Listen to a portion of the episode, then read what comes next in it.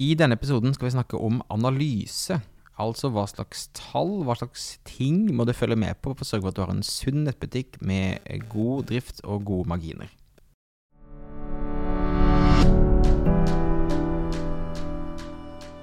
Velkommen til Netthandelspodden. I denne podkasten guider vi deg gjennom hvordan du kan drifte og skape vekst i din nettbutikk.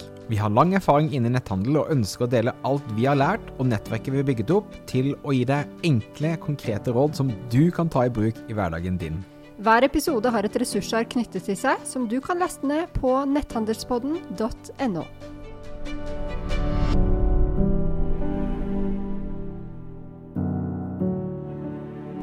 Thomas, Ja. i dag er dagen. ja. Vi skal eh, snakke om analyse. Vi skal nerde skikkelig. Ja, det Ja. skal vi. jeg ser på deg, du ser fornøyd ut. Jeg er veldig fornøyd, ja. Jeg liker å nerde. Det var noe jeg ikke likte før, men eh, altså I starten av sosiale medier så var alt så opptatt av liksom hvor gøy det var, og eh, hvor mye engasjement du kunne få, tilbakemeldinger osv. Og, så Mm. og etter hvert som kanskje jeg er blitt eldre, og også sosiale medier er blitt eldre, så har jeg liksom tenkt å ja, man må ha en effekt, ja. Mm. Eh, og man må skjønne hva som fungerer, annet enn bare hva slags bilde som ga en god respons. Mm. Og analyse er kanskje det viktige Det har vi sagt tror jeg hver eneste episode i sesong én, men det er det viktigste for å ha kontroll på hva som funker og ikke. Mm. Um, så jeg har blitt glad i Excel, jeg har blitt glad i Google Analytics, og det trodde jeg aldri at jeg skulle bli. Men uh, man må nesten tvinge seg til det hvis du skal uh, drive en, en sunn, uh, sunn bedrift. Mm. Og det er noe med at man driver jo ikke med analyse for analysens skyld. Det er ikke fordi at man har så lyst til å sitte i analyseverktøy og sitte i Excel, men det er jo for å få resultater. Mm. Og når man er gira på å få resultater, så er det jo faktisk gøy å følge med på driverne til resultatene og se på, se på aktiviteten man gjør, og hvordan man presterer med de forskjellige tingene man gjør. Absolutt. Så påstanden min er at analyse er gøy, men det kan være en liten, en liten terskel for en del. Ja, ja du, og, og, og kanskje utfordring hvis du lytter på dette og har aldri analysert og sett på tall og sånn før. Så én, eh, ta og gjøre det, men, men eh, lag deg en kopp te og sett på et stearinlys og liksom bare Nå skal jeg sette av en time til å forstå dette. Um, vi har også et ressursakt ressursark du kan laste ned i shownotes eller på netthandelspodden.no. eh, der du kan eh, gå mer i dybden og finne sjekklister på alt vi snakker om. Men lytt til denne episoden her. eh, ha et åpent sinn, forstå at dette er viktig for businessen din, og noe du kan lære deg til å bli glad i. Og så bruker du ressurssaker som sånn støtte eh, til, eh, til episoden. Mm. Ja. Eh, Vi begynte jo å diskutere litt dette. Liksom, hva er egentlig det viktigste man må se på og tenke på når man, man, man driver med, med nettbutikk? Og eh, noe kanskje mange folk glemmer, er jo at det er egentlig to hoveddrivere. Det er, det er omsetning. Hvor mye penger omsetter du for? Og så er, er det dekningsbidraget, eller altså marginen, som er da hvor mye penger sitter du igjen med. Mm. Um, hva er din erfaring der, Marte? Er det mange som har et veldig bevisst forhold til dette, eller er det, er det nok i forhold til hva man kanskje tenker at det er viktig som, som går rundt og har et bevisst forhold? Mm, Det var et ledende spørsmål. Ja, ja, ja. Nei, det er jo ikke det. Dessverre. Så det er ganske mange som er opptatt av omsetningen sin. Det, det er det, og det er veldig naturlig. Men det er overraskende mange som verken har et ordentlig budsjett eller følger med på dekningsbidraget. Bruttofortjenesten er kjempeviktig. Hva sitter du igjen med Mm. for, uh, for hvert salg? Og poenget når man driver business, det er jo ikke bare å selge, det er jo helst å sitte igjen med noe til slutt. Så jeg må si at jeg fikk eh, Jeg ble veldig mye bedre på dette her etter at jeg begynte å jobbe i XXL. Mhm. For jeg hadde jo vært i en sånn liten gründerbutikk, og eh, den var ikke Altså, den var profesjonell på, på alle mulige måter, men det fokuset som var på inntjening i XXL, det var på et helt annet nivå. Mm. Og der var det sånn at, eller er det sånn, at alle i organisasjonen, alle selgere på et lavere nivå, de har kjempefokus på det. Og det handler jo om de føringene som kommer fra toppen, og hva slags eh, analyser man gjør. Ja, og sikkert også hva slags språk og hva slags fokus Ja, ja, man har, ikke sant? 100% Um, ja, jeg tror det er ekstremt viktig, uh, og jeg tror at uh, um, det jeg faktisk ser forskjell på, er de, de kundene vi har i Monaco som har en fysisk butikk eh, i tillegg, Mm. de er som oftest mye flinkere til å ha et bevisst, eh, bevisst eh, syn på, på omsetning og, og dekningsbidrag osv. Mm. Eh, De som har bare startet for, for seg sjøl med en nettbutikk, kanskje som en hobby som har blitt en jobb, Mm. um, så føler jeg at de kanskje ikke har så fokus. Så det er kanskje lettere hvis du måte har noe fysisk å putte det på, da. Mm. Men tror du det også kan være fordi at de har mer erfaring fra å drive, drive butikk? At, for du skal ikke drive så veldig mange år før du bare skjønner sånn på the hard way at Ja, du eh, det er faktisk viktig hva jeg sitter igjen med for hvert salg. Det har sikkert også, har sikkert masse å gjøre med det også, helt klart. Og så tror jeg at det er mange flere utgifter som kommer ganske fort når du driver en fysisk butikk, som, du som tvinger deg til å forholde deg til det raskere, Mm. enn en nettbutikk som kanskje bare er du betaler noen lisenspenger for en nettbutikkløsning og kanskje litt på Mailchimp, og så kjøper de noen produkter, og så Mm. hei hvor det går, på en måte. Mm. Men, men når du kommer opp i en viss omsetning, så må du selvfølgelig eh, ha et bevisst forhold til dette uansett. Mm. Um, det også som, som vi innser når vi sitter her og gjør klare notater til denne episoden, er jo at dette henger jo sammen med alt vi har pratet om i den Mm. første sesongen. Um, så det kommer til å være en del repetisjon, men det er også hele poenget her er at at dette skal egentlig gjennomsyre alle aktiviteter, alle tanker du har rundt netthandelen din. Mm. Og denne analysedelen som vi mener er kjempe, kjempe, kjempeviktig, det er på en måte en støtteaktivitet for å ha en avsjekk på om de tingene som du har gjort basert på de tidligere episodene, fungerer, og hva du skal bruke tid på å få til å fungere bedre, og hva du kan på en måte kanskje la ligge litt eh, for å eh, gjøre ting som gir eh, mer progresjon. Mm. Og det er mulig at når vi bruker ordet analyse, at vi gjør det så det høres eh, større og verre og skumlere ut enn det er. Mm. For det handler jo egentlig bare om å følge med på resultatene sine. Ja, du må sitte og kikke på litt tall, og så må Ja. du kanskje notere det inn i ditt eget ark, sånn at du har et bevisst forhold til det. Mm. Det er kanskje det du egentlig, så det egentlig betyr. Mm. Og vi har jo da allerede vært inne på det første som du absolutt bør følge med på. Mm. Og det er omsetning, og det er inntjening. Ja. Så eh, du bør ha en plan for det. Du bør ha Ha et budsjett. Ha et budsjett. Ja. Godt gammeldags budsjett. Og én ting er å sette seg et budsjett som en slags mål for året, og si sånn jeg ønsker å omsette for 2 eller 5 eller 15 eller 70 millioner i år. Mhm. Men det, det er ikke så mye verdt. Så du kan godt sette et årsbudsjett, men så gjelder det å bryte den ned. Og én ting er å bryte ned i måneder, det bør du selvfølgelig gjøre. Ha et uh, omsetnings- og inntjeningsbudsjett fra måned til måned. Men så bryte det ytterligere ned. Fordi at hvis du skal vente til 31. i måneden med å se hvordan gikk januar, Ja. da er du veldig bakpå.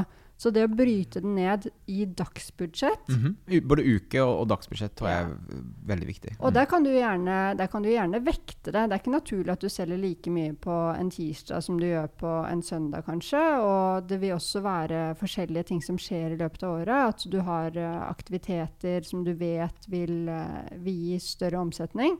Så du gjør deg selv en tjeneste hvis du forbereder deg godt og planlegger omsetningen din i løpet av året.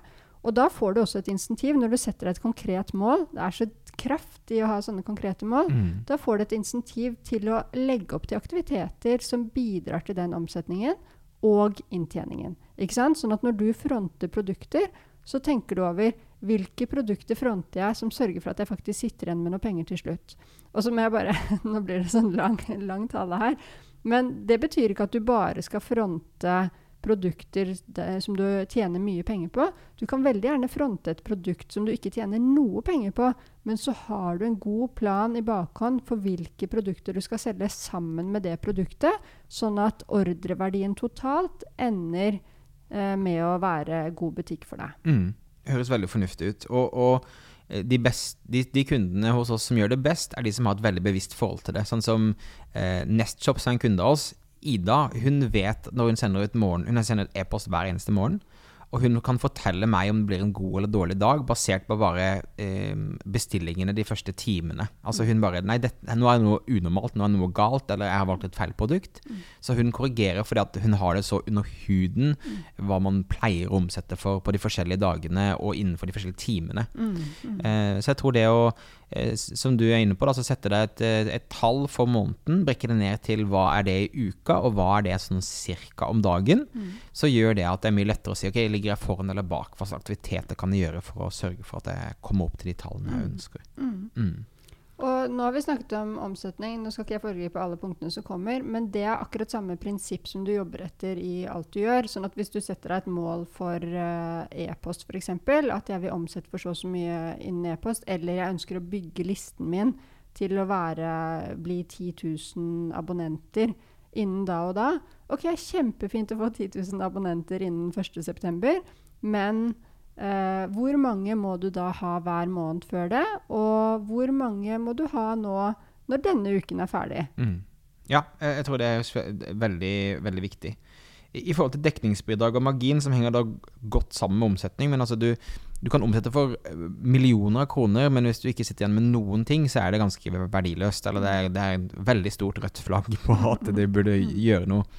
Um, så du må tenke på at eh, eh, eh, du skal sitte igjen med penger, og, og selv om, om konkurrenten dine kjører salg på 70% på hele nettbutikken, så betyr ikke det at du kan kanskje gjøre det samme, fordi du kanskje har hatt andre innkjøpspriser og sitter igjen med en helt annen eh, på en måte margin enn det de gjør. Mm. Så du må ha et kjempeforhold til hvor mye penger sitter igjen med hver eneste salg per produkt. Og også legge inn sånn som greit, men hvor mye koster det meg å få produktene mine eh, til lageret? Hva koster det for meg at noen håndterer lageret mitt hvis du gjør det? Og hva koster det å sende ut osv.? Så, videre. så du har hele bildet, sånn at du ikke blir overrasket når du plutselig har hatt en, en rekordmåned omsetningsmessig, men så sitter du igjen med mindre enn du noen gang har gjort. Mm. Ja. Så egentlig det å Det er jo helt, sånn, helt basic business, dette men å ha et resultatregnskap som du ser Ja. på fra måned til måned. Mm. Sånn at du har med alle, alle kostnader. Du har med lønn, du har med leie, du har med ikke minst levering. Alle kostnader følger du med på fra måned til måned. Ja. Og altså, gjerne oftere også. Men uh, det er et minimum at du vet hva du sitter igjen med hver måned. Enig. Uh, Og for å gjøre dette enkelt for dere, og igjen minne om ressursarket, men vi har liksom delt opp uh, I tillegg til omsetning og dekningsbidrag så har vi da delt opp i på en måte fire Fire områder du bør tenke eh, rundt i forhold til eh, analyse. Eh, og og eh, det er da trafikk inn til nettbutikken din. Mm. Det er eh, få folk til å handle i nettbutikken din. Mm. Få folk til å handle så mye som mulig. Og få folk til å handle igjen og igjen. Mm. Som også veldig puttet på de forskjellige episodene vi har hatt i sesong én. Men det gjør det bare enklere for oss å på en måte navigere. Mm. Så vi kan jo begynne, Marte, bare med eh, trafikk, til, altså trafikk inn til nettbutikken. Hva er det man skal eh, tenke på der? Ja. Det du bør følge med på der, det er jo hvor trafikken kommer fra. Mhm. Og det beste verktøyet du har for å følge med på det, det er Google Analytics. Ja. Jeg tror vi har nevnt Google Analytics i antagelig, kanskje ikke alle episodene, men nesten alle episodene. Så hvis du ikke har det på plass nå, episode 10, så vet du hva du har å gjøre. Da, Yes. må, du, da må du få det på plass. Og du, du kan si da det, det du um, Ting du ser på når du ser på kildene dine. Altså Én ting er jo hvor mye trafikk jeg har fått um, uh, Fått fra denne kilden. Ikke sant? Hvor mange har kommet fra e-post eller ABC Start-siden, eller hvor enn på en måte folk har kommet inn. Ehm, men, men du bør jo alltid putte det inn i forhold til konverteringsrate. Altså det vil si eh, av alle som har kommet inn via ABC Start-siden, hvor mange prosent har endt opp med å handle?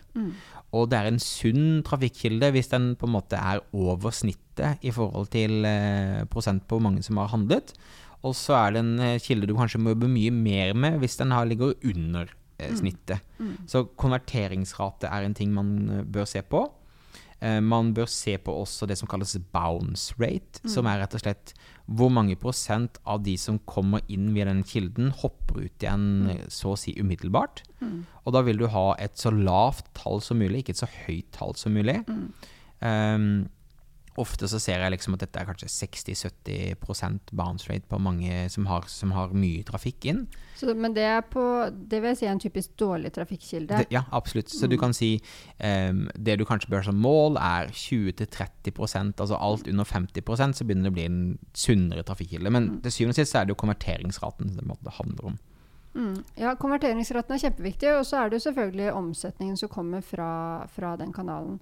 Så, men det gjelder å se alle disse forskjellige tallene sammen, ikke mm. sant? sånn at du kan se at uh, Google betalt, det er den mest verdifulle trafikkilden min, hvis du ser på omsetning isolert sett. Mm.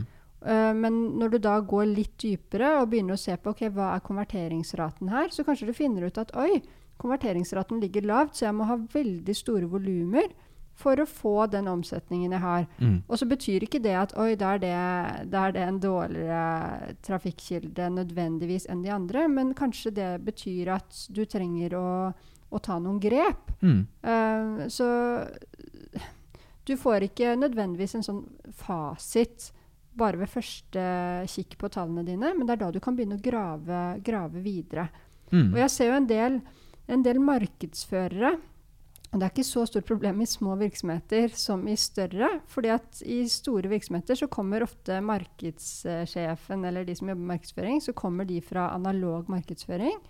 Og så er de vant til å se på hvor mye trafikk som genereres, eller bare se på hvor mange klikk en annonse får, eller sånne, det som jeg kaller forfengelighetsmål, uh, vanity ja. metrics. Mm -hmm. uh, og så glemmer de å se på det som faktisk er forretningskritisk, som er hvor mye salg man får. Så da kan de konkludere med at ah, vi har kjempebra resultater fra f.eks. Google Display. Mm. Mm, det er ikke tilfeldig yes, valgt. Ja, ja. mm, fordi at de ser at her er det masse klikk på annonsene. Ja. Eller det vil de ikke se, for det vil det ikke være da, når det gjelder Google Display. Men det er masse visninger av annonsene. Ja, ja. Vi når ut til masse mennesker ja, ikke sant? Sånn at mm. man kan se da masse visninger på Google Display-annonsene. Når du da gjør analysejobben som du skal gjøre, du går inn i Google Analytics, så sjekker du hvordan står det til her med Google Display, hvor verdifullt er det faktisk for oss, så ser du at oi, av de millionene med visningene, så kommer det jo nesten ikke noe trafikk. Og ingen av de kjøper? Og de som kommer inn, de bare bouncer rett ut. For mm -hmm. de mhm. var jo egentlig ikke i kjøpsmodus. Uh, mm -hmm. Så da kan du konkludere med at de pengene vi legger der, er kanskje ikke så, så vel anvendt. Mm. Helt riktig. Og, og, igjen da disse fire på en måte boksene, eller bøttene, eller hva man skal kalle det. Um, jeg vil også prøve å tenke sånn i rekkefølge. Så liksom mm. eh, Begynn med å se først på trafikken som vi snakker om nå. Eh, og lytt på trafikkepisoden vår. Eh, der går vi mer i dybden på dette også. Men liksom du må sørge for at noen kommer inn i butikken din før du kan ha en butikk som selger mm. uansett. Så liksom det er en god måte å starte. Så, mm. så dette er tanker rundt da eh, trafikk inn til nettbutikken. Hvis vi går til da punkt nummer to, som handler om å få folk til å handle. Da har du sett hva slags punkter som gjør at folk kommer inn, og hva som på en måte fungerer ikke. Og da på For folk til å handle, så handler det om konverteringsrate, altså konverteringsgrad, hvor mange som kommer inn som faktisk handler. Så en, da, På samme måte skal du se på kilder uh, der også, men uh, det handler også mye om å på en måte gå inn på enkeltsider, sånn som da produktsiden din, hvor mange går videre derfra fra forsiden din. Så du kan gå mer i dybden om både se på andre tall og andre sider i, i litt, mer, litt, mer, detaljert nivå enn du gjør på trafikkilder. Mm. Og det, eh, med fare for at det blir litt komplisert Advarsel. Ja. Nei, eh, å se først hvor mange er det som går videre til produktsidene og derfra hvor mange er det som går videre til handlekurven, og hvor mange er det som går videre til, uh, til utsjekken, til mm -hmm. kassen, og hvor mange er det som faktisk legger ordre. Det er når du går enda et hakk dypere enn å bare se på konverteringsraten. For da får du en pekepinn om hvor er det jeg uh, har forbedringspotensial. Mm. Så kanskje du har kjempegod konvertering i kassen. Hvis du først får folk til kassen, så, de fleste, så legger de fleste ordre. Mens du ser at det er veldig mange som ikke legger produkter i handlekurven når de er på produktsiden. Mm. Da får du fantastisk verdifull uh, informasjon. Absolutt. Og da sant, tilbake til episoden vår om konverteringsoptimalisering. Altså, da kan det godt være at f.eks. Eh, så mange kjenner som har da lagt inn eh, Klarna sin logo i produktsiden, at vi støtter Klarna, vi støtter nedbetaling osv., det har gjort at det har økt prosenten. Men, så du kan, du kan, lære å gjøre sånne valg da, basert på dataen du, mm. dataen du ser. Mm. Så, så, jeg er helt enig i at den, den, trakten som du beskriver der, er, en, er, er, viktig å se på når du skal analysere da hvordan du skal få folk til å handle. Um, og det vil være veldig, veldig, vanskelig for oss å si sånn, dette er sånn cirka tallene du bør ligge på, sånn egentlig, for det er så utrolig forskjellig fra nettbutikk til nettbutikk, mm. hvor mange prosent som går videre fra produktside til handlekurven osv. osv. Men du må ha et bevisst forhold selv, og som jeg syns du har sagt veldig bra i veldig mange episoder, Marte. altså ikke vær fornøyd med det tallet du har. altså Finn måter å hele tiden gjøre at du kan jobbe og gjøre de tallene bedre. Mm. Jeg tror det er kjempeviktig. Mm. Så når du først har på en måte fått kontroll på trafikkildene dine, og til en viss grad skjønner hva som gir eh, god uh, omsetning i forhold til uh, trafikken, så er det naturlig at du går da i, i dybden og forstår egentlig hele kjøpsreisen til, uh, til de som besøker nettbutikken din. Mm. Og så er det viktig at du ikke avskriver Nå er litt tilbake på trafikk, kanskje. Men hvis du har dårlige resultater på noe Du skal alltid sammenligne med deg selv. Mm. Det, det, er en veldig fin regel. Å gjøre det bedre enn det du har gjort historisk. Men si at du f.eks. har veldig dårlige resultater når det kommer til e-post. Som du nå har hørt Thomas og meg skryte så mye av som en verdifull uh, trafikkilde i episode etter episode. Mm. Så betyr ikke det at e-post ikke ikke vil funke for deg, det det betyr, er at du har et fantastisk potensial der. Ja. Enig. Ja, så, gjennom det sammenlignet med deg sjøl, så, så, så lenge tallene fortsetter å gå opp og opp, og opp, så lenge de skal gjøre det, mm. eh, så er du på et godt sted. Um, og så er vi da på, på um, på eh, bøtte nummer tre, som handler da om å handle så mye som mulig. Ikke sant? Mm. Du har kontroll på hva som gjør at folk kommer inn, og du kan begynne å planlegge ut ifra og påvirke det. Du har kontroll på hvor mange av de som faktisk kommer inn, velger å handle, og du har en tydelig actionplan på hva kan jeg gjøre for folk til å handle um, uh, så ofte, eller altså handle når de kommer inn på butikken din. Mm. Og nummer tre altså handle så mye som mulig, som handler egentlig om snittordreverdien. AOV, Average Order Value, som også vi har en egen episode på i seg selv. Men der handler det om å, å, få igjen et bevisst forhold til eh, Her også vil jeg sette på eh, hva er snittordreverdien basert på hvilken kilde. Ikke sant? Altså mm. Uh, tilbake til e-post. Kanskje e-post er uh, kjempebra du omsetter for mye, men det er ganske lave snittordreverdier. Uh, og så kan det godt være at Google, der du da er veldig bevisst f.eks. på at du er ute etter å kjøpe noe, så har det en mye høyere average order value. Mm. Ja, du ser jeg hadde lyst til å si det ja. Um, det som uh, det er naturlig å gjøre En ting er å se på dette, her, men du bør jo da sammenligne med noe. Mm -hmm. Og hvis du akkurat nå har installert Analytics, så, så, har du ikke så mye sammenligningsgrunnlag. Men dersom du har hatt Analytics på plass en god stund, så er det naturlig at du sammenligner med en annen periode. Og typisk det du sammenligner med, er tilsvarende periode året før. Mm -hmm. For da ser du utviklingen. Da er på en måte mye av det som, som, påvirker salget, det vil være likt. Altså det er samme sesong, og det er kanskje samme type kampanjer. Um, så um, For det er et spørsmål jeg får veldig ofte. Hvilken periode er det egentlig jeg skal se på? Ja. Og, og, svaret der er at du skal se på mange forskjellige perioder. Du bør gå inn og se på dagen i dag og se hva, hvordan står det til med, med konverteringsrate og snittordreverdi i dag. Mm. Og du bør se på for denne måneden. Du bør se på isolert for en kampanje. Og du bør se på hvordan, det, hvordan er det nå i forhold til i fjor. Ja. Eh, det tror jeg er viktig å, å ha et sammenligningsgrunnlag. Så, så, tror jeg også at uh, noe som kan være veldig nytt nyttig, som jeg syns at Google Analytics er flink til hvis du har, går inn i den e-commerce-delen av Google Analytics. Eh, for å forstå snittordreverdien din, så må du forstå hva slags produkter er det kundene mine kjøper. Mm. Ikke sant? Så, sånn som nå, nå, jobber vi med en, en, nettbutikk som vi akkurat har investert i, som har ganske lav uh, snittordreverdi. Og hver eneste bestilling som kommer inn, så har jeg bare lagt inn Shopify på, på min telefon. Mm. Og så alle da ordre som er under 1000 kroner, så går jeg inn og så bare ser jeg raskt over for et blikk. Og greit, det er liksom, det er den drikkeflaska og den tingen der de som går igjen, f.eks. Og så må jeg forstå hvorfor kommer det salget herfra, og hvorfor kjøpte de ikke mer. Og da, sånn som i dette tilfellet her, da, så ser vi at greit, når vi kjører en Instagram story, så har vi veldig lav snittordreverdi, for da er det folk som bare skal ha, ha noen kjappe tilbud osv. Det er ikke inne for, for et storkjøp. Mens vi får, hvis vi heller hadde brukt stories til å få folk inn på e-postlisten vår, så ser vi at det er mye større snittordreverdi på, på e-postene. Mm. Eh, men det å forstå da både dag, uke og månedsmessig hva slags produkter er det solgt mest av, og hvorfor, er jo veldig mye mer med på å påvirke Um, snittordreverdien din. Ikke sant? Mm. Så ha et bevisst forhold også på hva slags produkter som blir uh, kjøpt, som er med på å skape snitt, uh, høy snittordreverdi. Og hvis du ser at det er to-tre produkter som går igjen hele tiden, f.eks., kanskje du skal lage en bundle. Ikke sant? Og Så kobler du sammen de tre produktene til en liten rabatt, og så kan du pushe det ut på annonser eller på e-post eller på social eller på, Mm. på hva som helst. Mm. Og den innsikten du får om produkter i Analytics, den er jo også verdifull for å planlegge, planlegge innkjøpet ditt, og for å planlegge senere kampanjer osv. Så, videre. Mm. så det er veldig naturlig at du ser konkret på, på produktene når du, når du planlegger akkurat de tingene for fremtiden. Absolutt. Ja, det tror jeg er kjempe, kjempeviktig.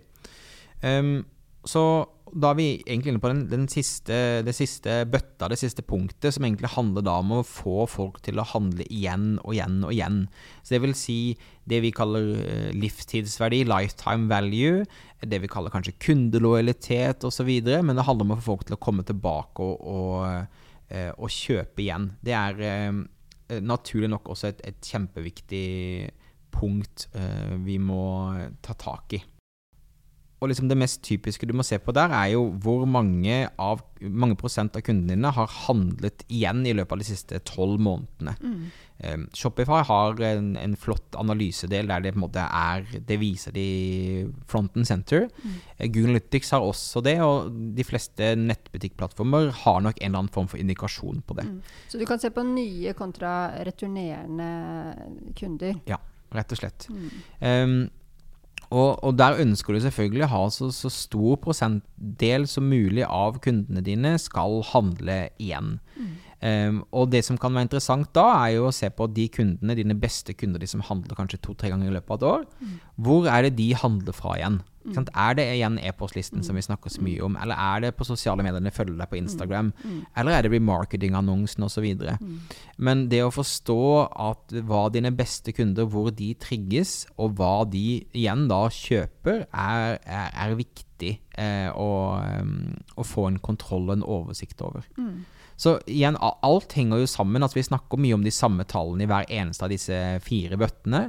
Em, men det handler da om at eh, Igjen, jeg synes rekkefølgen er viktig her. Altså, først få flest mulig folk til å komme inn på nettbutikken din som på en måte har de riktige tallene. Uh, sørge for at flest mulig av de handler. Sørge for at flest mulig handler mest mulig. Altså, du gjør det i riktig rekkefølge. Og så på slutten så handler det om å få en oversikt og en følelse på hvor mange er det som faktisk ender opp med å kjøpe igjen. Mm. Og du kan ha en kjempebra nettbutikk som du liksom Å, hei hvor det går. Men du vil til en viss grad gå tom for, for nye mennesker å markedsføre til, eller det blir, blir, dyrere for du på en måte har blitt vist så mange ganger. Så hvis du kan ha produkter, og hvis du kan ha ting som gjør at folk handler eh, oftere hos deg, så er jo det det absolutt beste. Mm. Eh, Det er én ting som det også kan være greit å følge med på. Eller det er mange ting, men vi kan ikke ta alt i denne episoden. Men det er også hvor er det de kommer Eller hva er det de handler på? Ja. Hvor mange er det som møter deg på mobil, kontra hvor mange som møter deg på desktop? Ja. Eh, det gjør også at du, du får hjelp til hvor du bør gjøre en bedre jobb. Og der gjør du akkurat samme. Altså du ser hvordan er konverteringen min på mobil kontra konverteringen min på desktop. Så hvis du har veldig mye lavere konvertering på mobil, så er det en indikasjon på at mobilsiden din ikke fungerer bra nok når folk faktisk ønsker å, ønsker å handle. Mm. Uh, og nå har vi jo nevnt forskjellige, forskjellige ting. Hvis du vil gjøre det enkelt for deg selv, så anbefaler jeg at du enten importerer et, eh, et sånn dashboard Jeg vet ikke hva det heter på norsk. Dashboard. Dashboard.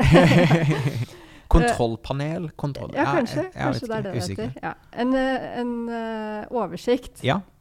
oppstilling Um, som er eh, laget av noen andre, eller at du rett og slett setter opp ditt eget dashboard i Google Analytics. Mm. Det kan være en veldig god hjelp, sånn at du slipper å gå inn på alle menypunktene i Analytics og så finne tall. Men uh, du kan bruke den funksjonen de har til å sette opp et dashboard, og så går du bare inn på det dashboardet, og så har du alle nøkkeltallene dine samlet. Ja. Og det er typisk eh, Da kan du lage en, eh, en, et kakediagram som viser deg veldig kjapt og enkelt hvor eh, mange prosent av trafikken min kom fra hver trafikkilde. Hvor mange brukere har vært inne på siden min i den eh, perioden jeg ser på akkurat nå. Hvor mange transaksjoner. Hva er konverteringsraten? Eh, hva er omsetningen? Eneste du kanskje ikke får inn der, det er inntjening.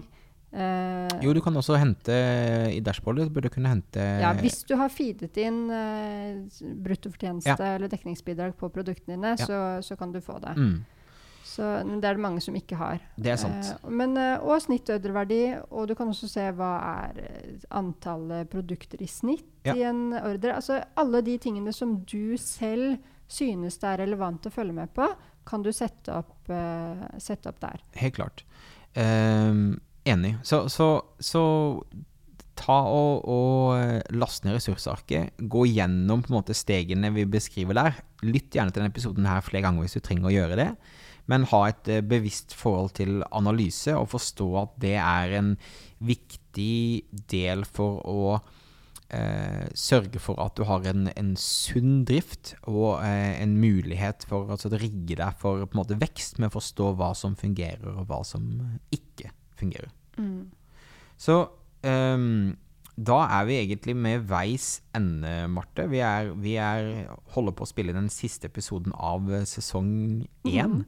Eh, h- hvordan hvordan Burde vi hatt noe champagne eller et eller annet? Det burde vi jo egentlig. Vi, det har vi veldig lite av eh, akkurat nå. Men, men eh, det, eh, eh, vi takker for alle som har kommet med masse feedback under da, produksjonen av denne her, og liksom publiseringen. Det har vært kjempegøy å få Ja, så mye tilbakemeldinger. hyggelig. Nesten litt sånn overraskende hyggelig, altså. Ja, det, det er så mange som er interessert i netthandel på samme måte som oss, så det er liksom morsomt. Ja. Uh, og, og i shownotes så ligger linker både til meg og Marte sin Instagram-profil, så hvis du ønsker at vi skal lage en sesong to, og hva slags temaer er det dere ønsker at vi skal ha, så må dere gjerne kontakte oss på, på mail eller på, på Instagram eller på andre steder. Um, men uh, vi har jo bevisst lagd episoder som på en måte skal være så tidsløse som mulig. Så jeg kan så gå gjennom og, og lytte på, eh, på alle episodene. Um, og så hadde vi også kjent, uh, satt veldig pris på om du hadde tatt deg tid til å gå inn og legge en liten review inn på, uh, på Apple Podcast, som gjør at flere eh, eh, finner den. Og kom gjerne med, med forslag også til temaer der, hvis du kunne tenke deg at vi lagde en sesong til. Mm. Ja. Så, så tusen takk. Takk til deg, Marte. Takk for at du uh, ville, ville produsere podkast sammen med meg. Det var veldig morsomt. Jeg har fått masse ut av det. Og så uh, får vi eh, satse på at vi eh, vi kommer tilbake med en sesong to eh, plutselig. Ja, er, Vi vet at vi har mange temaer vi kunne tenke oss å snakke, snakke mer om. Absolutt. Mm. Så takk igjen, og på gjenhør.